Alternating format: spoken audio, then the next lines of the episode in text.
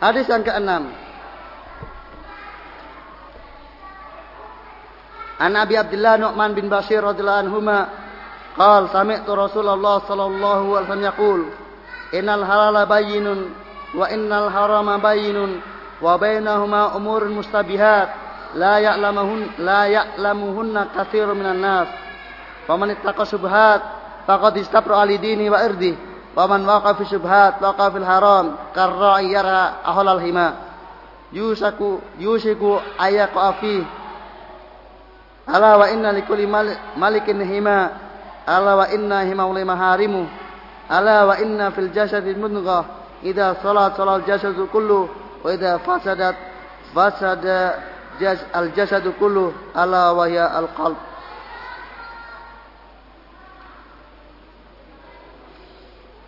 Dari Abi Abdullah Nu'man bin Basir radhiyallahu anhu beliau berkata, aku mendengar Rasulullah sallallahu alaihi wasallam bersabda, sesungguhnya yang halal itu jelas dan yang haram juga jelas dan di antara keduanya ada perkara yang samar yang kebanyakan yang banyak manusia tidak mengenalnya apakah itu halal atau haram.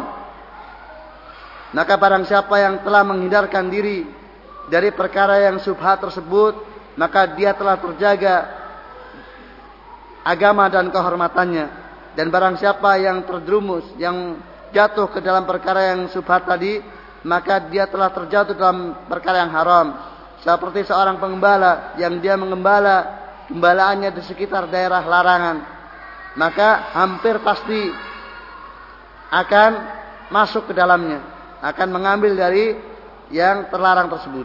Ketahuilah bahwasanya setiap penguasa memiliki daerah larangan dan ketahuilah bahwasanya larangan adalah sesuatu yang diharamkannya. Ketahuilah bahwasanya dalam sebuah jasad ada segumpal daging. Apabila segumpal daging tersebut bagus maka baguslah seluruh jasadnya. Dan apabila segumpal daging tersebut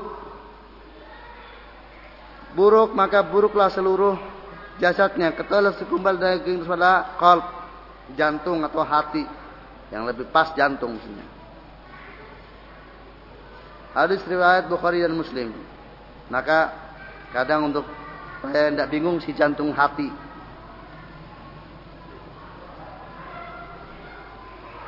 Namun yang lebih populer penerjemahan hati ya hati.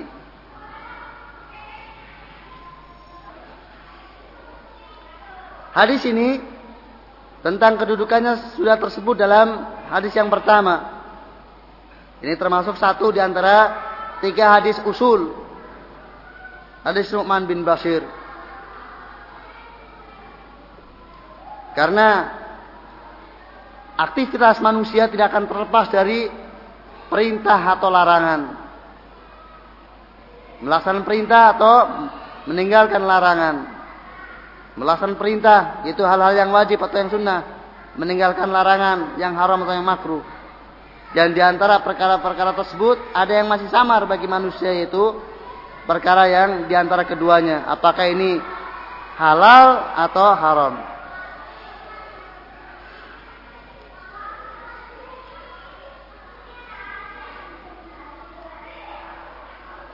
Dijelaskan oleh Nabi SAW bahwasanya di antara perkara tersebut ada yang mustabihat yang banyak manusia tidak mengetahuinya.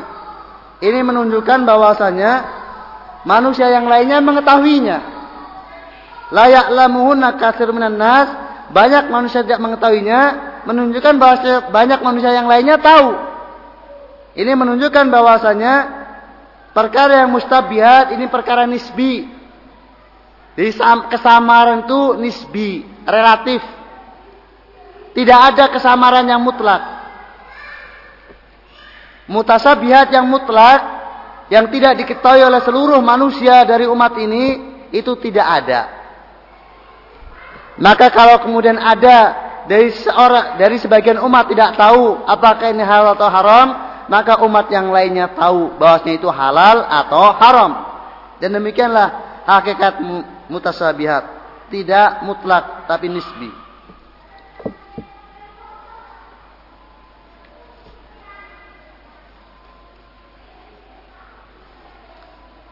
Kemudian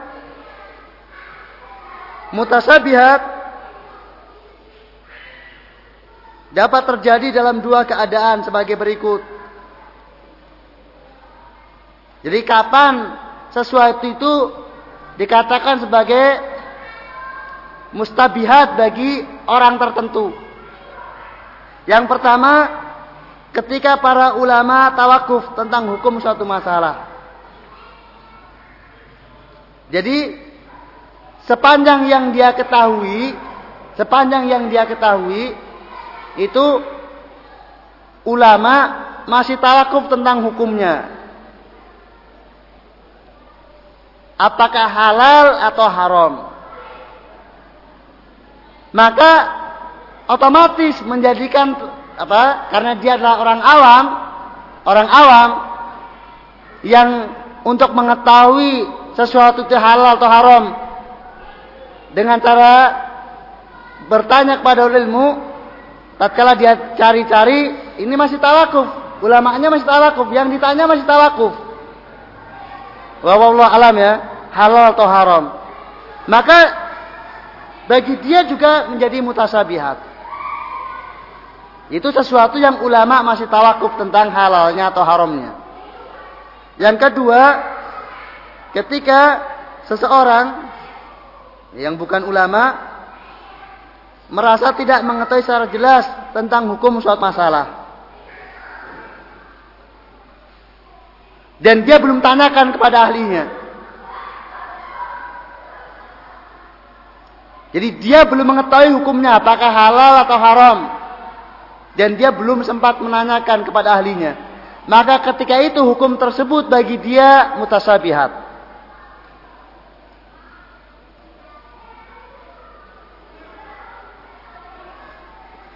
Maka kondisi mutasabihat ini akan hilang dari dia kapan? Tatkala kemudian dia ketahui ulamanya tidak tawakuf lagi. Dia cari-cari, oh ulamanya sudah tidak tawakuf lagi. Sudah menentukan hukumnya halal atau haram, maka hilang. Demikian juga tatkala keadaan kedua dia bertanya. Setelah dia bertanya kemudian mendapatkan penjelasan hukumnya, maka ketika itu hilang mutasabihat baginya. Sudah tidak mustabihat lagi bagi dia, tidak samar lagi bagi dia tentang halal dan haramnya.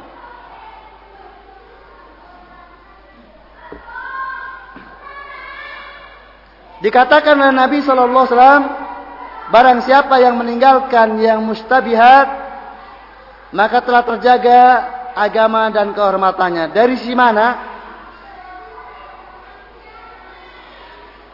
Terjaga agamanya ditinjau dari sisi seorang yang menghindari mutasabihat maka secara otomatis terhindar dari yang haram. Dan dengan dia terhindar dari yang haram maka terjagalah agamanya. Ya kalau kemudian yang yang masih samar saja yang dia belum jelas haramnya saja dia tidak melaksanakan tidak mengambilnya apalagi yang jelas haramnya. Kalau dia warok terhadap sesuatu yang belum jelas haramnya, maka tentunya dia lebih warok terhadap sesuatu yang sudah jelas haramnya. Maka orang yang meninggalkan mustabiat jelas terjaga agamanya. Artinya dia tidak akan terjerumus dalam yang haram. Dan tidaklah dikatakan terjerumus dalam yang haram Orang yang menurut keyakinannya itu halal, padahal hakikatnya apa? Haram. Itu tidak terjerumus yang haram. Tetap dia dianggap melakukan yang halal. Ditinjau dari sisi pelaksana. Bukan ditinjau dari sisi daknya, tapi ditinjau dari sisi niatnya. Karena sama sekali dia tidak ingin melakukan yang haram. Hanya saja yang dia tahu itu halal ternyata haram. Karena kita diperbolehkan melakukan sesuatu sesuai dengan yakin atau don dugaan kuat. Dan tentunya dugaan kuat di sini adalah dugaan kuat yang didasari oleh ilmu bukan semata-mata hawa nafsu.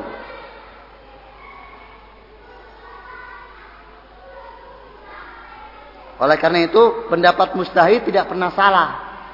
Ditinjau dari mustahidnya bukan ditinjau dari pendapatnya Mustahid tidak pernah salah.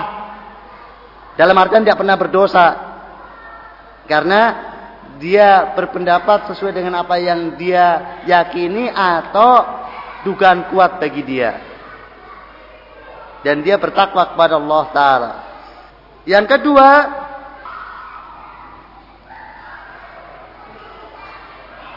dia terjaga kehormatannya karena orang yang tidak orang yang tidak meninggalkan yang samar baginya itu kadang mendatangkan celaan baginya. Tidak tahu apa hukumnya kok nekat. Ya. Akan kadang mendatangkan celaan. Sudah jelas kamu tidak tahu apa hukumnya, halal atau haram kok nekat. Ini menunjukkan rendah agamanya. Dan akan mendatangkan celaan. Jadi tidak terhormat dia di mata orang lain. Karena dianggap orang yang tidak menjaga agamanya. Jadi mendatangkan celaan.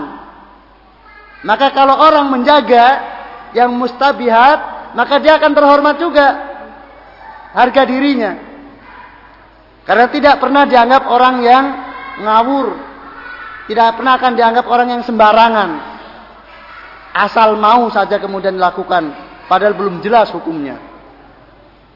Itulah tinjauan mengapa orang yang menghindarkan diri dari yang mutasabihat itu terjaga agama dan kehormatannya. Dan orang tidak akan pernah mencela kepada seorang yang dia sesuatu berdasarkan dugaan kuat itu apa? halal. Kalau ternyata haram, kan tak telah diingatkan, oh itu haram. Ini dalilnya ini nih. Oh iya tuh. Dan selama ini saya yang tahu ini halal. Saya punya dalil. Maka dia tidak akan dicela. Iya atau tidak? Iya. Tapi berbeda. Tatkala kemudian dia nekat. Kamu tahu hukumnya itu? Enggak. Lo kamu lakukan, eh biar saja lah. Maka jelas akan kehormatannya rendah di mata orang. Justru mumpung masih syubhat itu.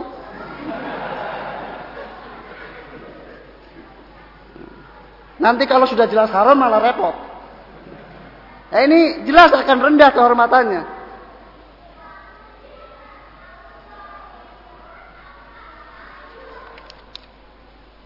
Maka kadang orang yang sudah jelas-jelas dalam dirinya ada keraguan, tidak mau bertanya, soalnya takut.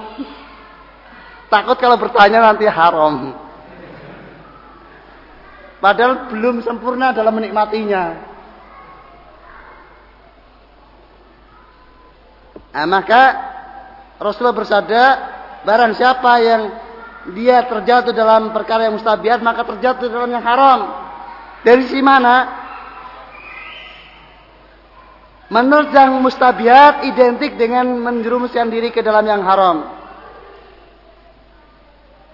Jadi orang mukmin dilarang untuk melakukan sesuatu sehingga jelas bagi dia hukumnya. Kan dak ma yaribuk ila ma la yaribuk kan perintah ini. Tinggalkan yang masih ragu untuk yang tidak ragu. Perintah. Maka wajib untuk melakukan yang jelas saja. Yang masih ragu, yang masih samar, terlarang kita melakukannya.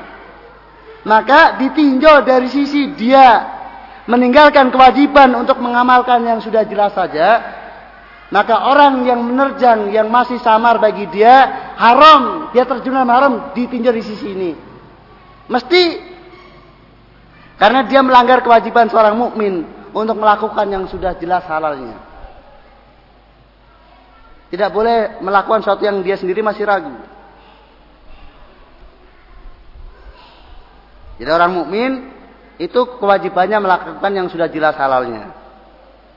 Dan disuruh meninggalkan yang belum jelas. Yang masih ragu. Masih syak. Halal dan haramnya. Kok dia nekat? Ya dia telah melanggar kewajiban ini. Maka dia terjun dalam yang haram. Walaupun pada datnya belum tentu haram ya. Belum tentu haram. Dat yang dia lakukan belum tentu haram. Tetapi dia telah melanggar. Kewajiban untuk melakukan yang sudah jelas saja. Dari sisi ini dia telah melakukan yang haram.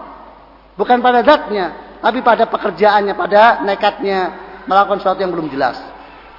Kemudian yang kedua, itu ditinjau dari sisi karena yang belum jelas itu bisa haram dan bisa halal. Dan bisa jadi yang dia lakukan ternyata yang haram. Maka dia terjerumus dalam yang haram dari sidatnya.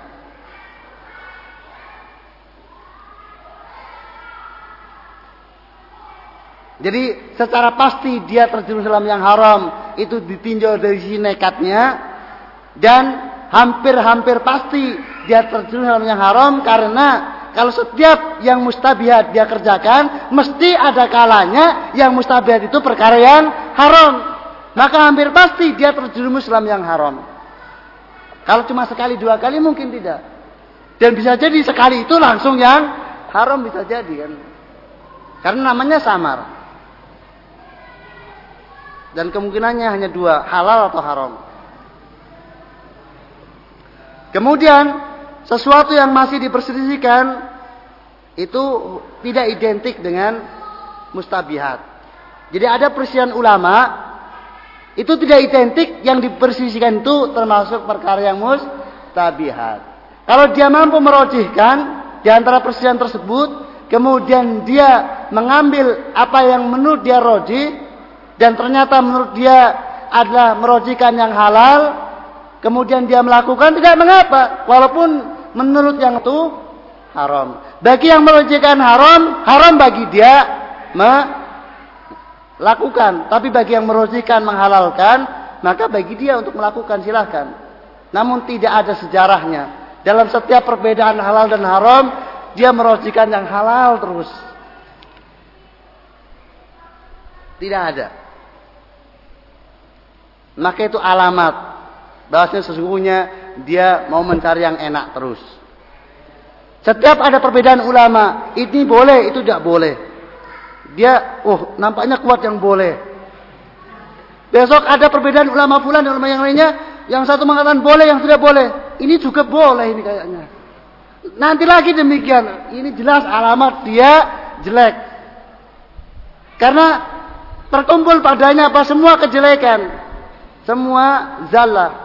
Karena ulama yang membolehkan ini, dia tidak membolehkan yang itu. Dan yang tidak membolehkan yang itu, dia membolehkan yang ini.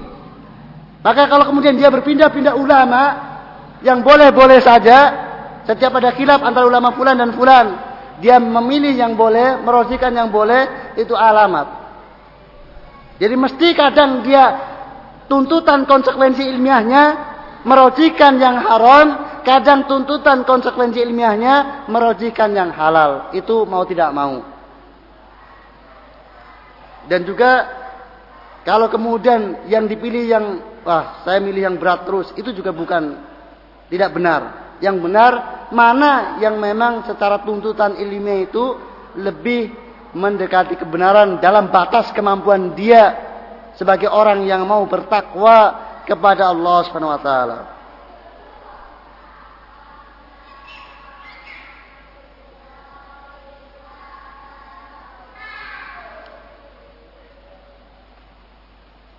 Kemudian di sini Rasulullah Sallallahu Alaihi Wasallam berbicara tentang hati.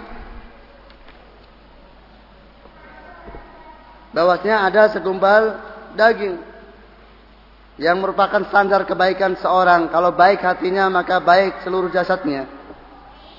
Maka hati adalah milik paling berharga bagi seorang manusia maka hendaklah dia lebih perhatian kepada hatinya dibandingkan kepada anggota tubuh yang lainnya. Jagalah harta yang paling berharga tersebut, jangan sampai rusak.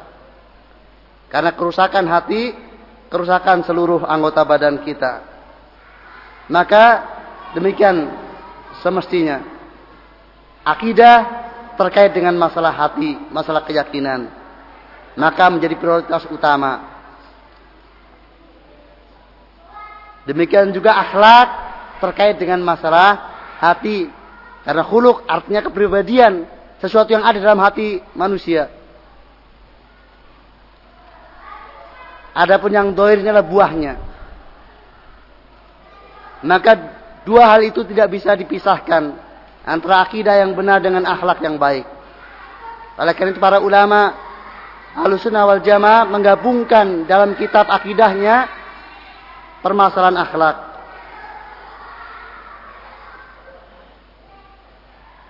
Nah ulama terkait dengan hati membicarakan antara hati, otak, dan akal.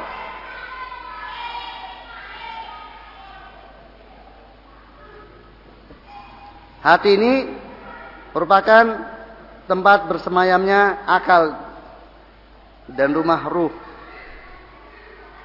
Jadi akal itu letaknya dalam hati. Maka mestinya mungkin ada kekeliruan atau kurang tepat.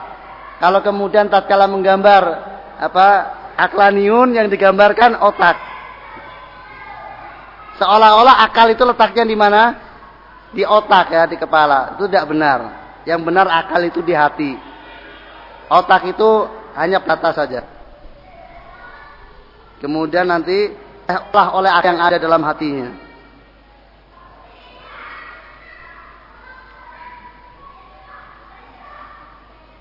Maka yang dapat memahami dalil-dalil syariat adalah akal. Otak merekam, kemudian ditransfer ke dalam hatinya, yang di situ akal bersemayam. Kemudian akal yang memahaminya.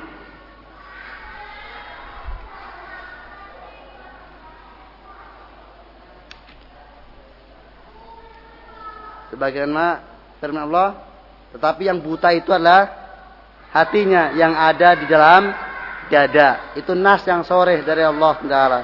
Tetapi yang buta itulah apa?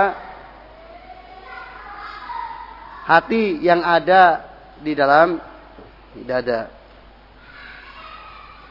Nah, demikian ifafidin asanullah yakum. Pertanyaannya kita tunda ya. Waktunya sudah setengah enam atau kita jawab nanti banyak sekali kita cukupkan sampai di sini. Insya Allah kita lanjutkan besok binillah mudah-mudahan perjumpaan kita pada hari ini ada manfaatnya bagi kita semuanya. Dan mudah-mudahan karena waktu kita masih panjang Allah memberikan taufik kepada kita untuk memberikan kesehatan dan juga terutama taufik hidayah untuk tetap bersemangat bertalabul ilmi. Dan sesungguhnya waktu 10 hari full itu waktu yang sangat ringan bagi yang dimudahkan. Karena segala sesuatu sebenarnya kalau dimudahkan Allah diringankan oleh Allah menjadi ringan. Berat itu kalau kemudian tidak mendapatkan taufik dari Allah Subhanahu wa taala. Dan apalagi antum semuanya masih muda-muda. Di beberapa atau banyak dari ustadz-ustadz kalian itu biasa juga daurah sampai 10 hari padahal sudah beranak pinak. Sama waktunya dari jam 8 sampai tepat jam 12 tit. Kemudian habis asar sampai maghrib tit, sampai adzan maghrib. Kemudian pada subuh masih harus toran hafalan dan ceramah arba'in nawawi. Nanti habis maghrib ada lagi muhadharah dalam waktu 10 hari. Itu biasa. Maka ya, semestinya antum masa kalah sama orang orang tua. Antum masih muda. Karena jadi saya pernah mengikuti empat dalam lima tahun empat tahunnya berturut-turut yang diadakan oleh satu apa muasasa daurah selama 10 hari masih harus ujian masih harus ujian. Cuma karena ujiannya ada hadiahnya semangat. Lumayan. Kalau dapat ranking dapat ratusan ribu. Kalau ranking 2 400 ribu kan lumayan. Nah demikian Infafidin Assalamualaikum. Ini sekedar intermeso atau apa untuk supaya ya kalian jangan apa loyo karena perjalanan masih panjang. Mudah-mudahan Allah senantiasa memberkahi kita semuanya. Subhanakallahumma bihamdika asyhadu an la. Assalamualaikum warahmatullahi wabarakatuh.